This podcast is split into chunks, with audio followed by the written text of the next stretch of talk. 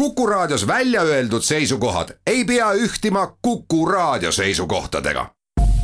Te kuulate Kuku Raadiot. teadus teab. teadus teab detsembris tuli teateid kiiremini levivast koroonaviiruse tüvest Suurbritannias. ka Lõuna-Aafrikast on leitud nakkavamat koroonaviiruse varianti.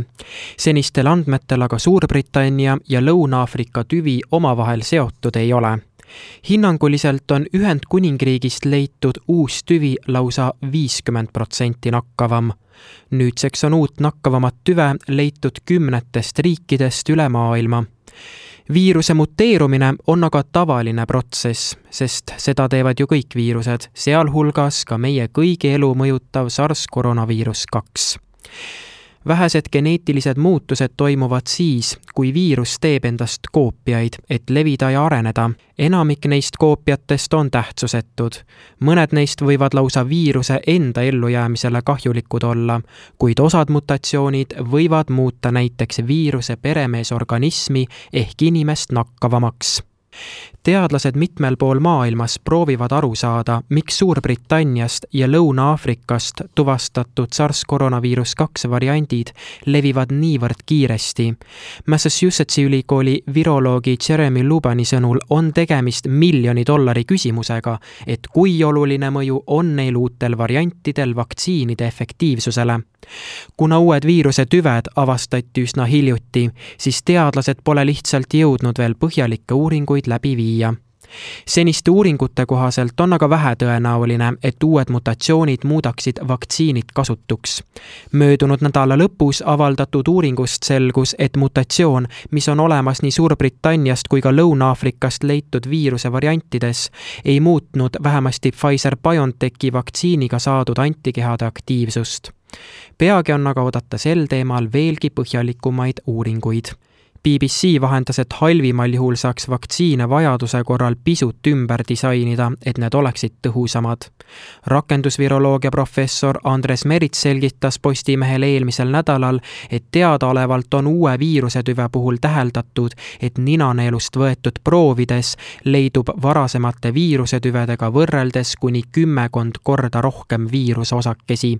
seega viirus paljuneb paremini või väljub nakatunu organismist efektiivsemalt täpsemalt. siiski on tegemist alles esialgsetel vaatlustel ja mitte katsetel põhinevate andmetega.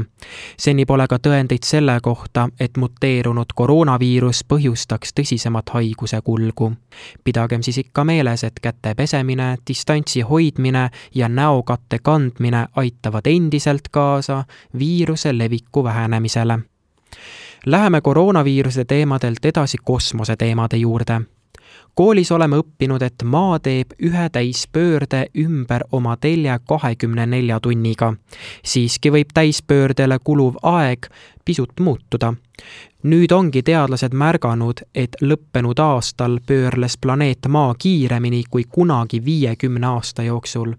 tegemist on aga üsna väikese muutusega, mida me igapäevaelus ei taju näiteks eelmise aasta kõige lühem päev oli üheksateistkümnes juuli. siis tegi Maa oma igapäevase pöörde keskmisest kiiremini ühe koma nelja tuhande kuuesaja kahe millisekundi võrra. maakera kiiremaks muutumine on aga tingitud mitmetest asjaoludest. atmosfääriõhu muutused, tuuled, ookeani hoovused ja maakera tuumas toimuvad liikumised võivad natuke maa pöörlemise kiirust mõjutada niisugune pisike muutus teeb aga keeruliseks täpse aja mõõtmise. aja etalooni hoitakse tänapäeval aatomkelladega. aatomkell on hea seetõttu, et see on ülitäpne, kuna selle talitus põhineb väga püsiva sagedusega elektromagnetvõnkumistel.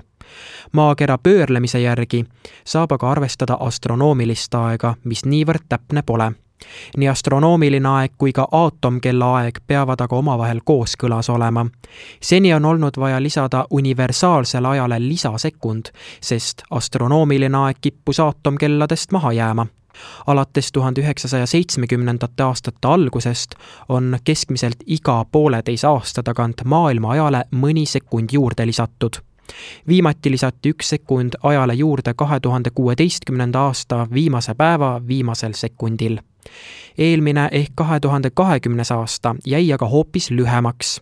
teadlased ennustavad, et käesolev kahe tuhande kahekümne esimene aasta võib olla eelmisest isegi veelgi lühem juhul, kui maa pöörlemine muutub üha kiiremaks, siis on vaja käiku võtta hoopis negatiivne lisasekund ehk üks sekund tuleb maha võtta seda, kas sekundeid on vaja juurde lisada või ära võtta, otsustab Prantsusmaal asuv rahvusvaheline maa pöörlemise ning tugisüsteemide teenistus. teadus teab. teadus teab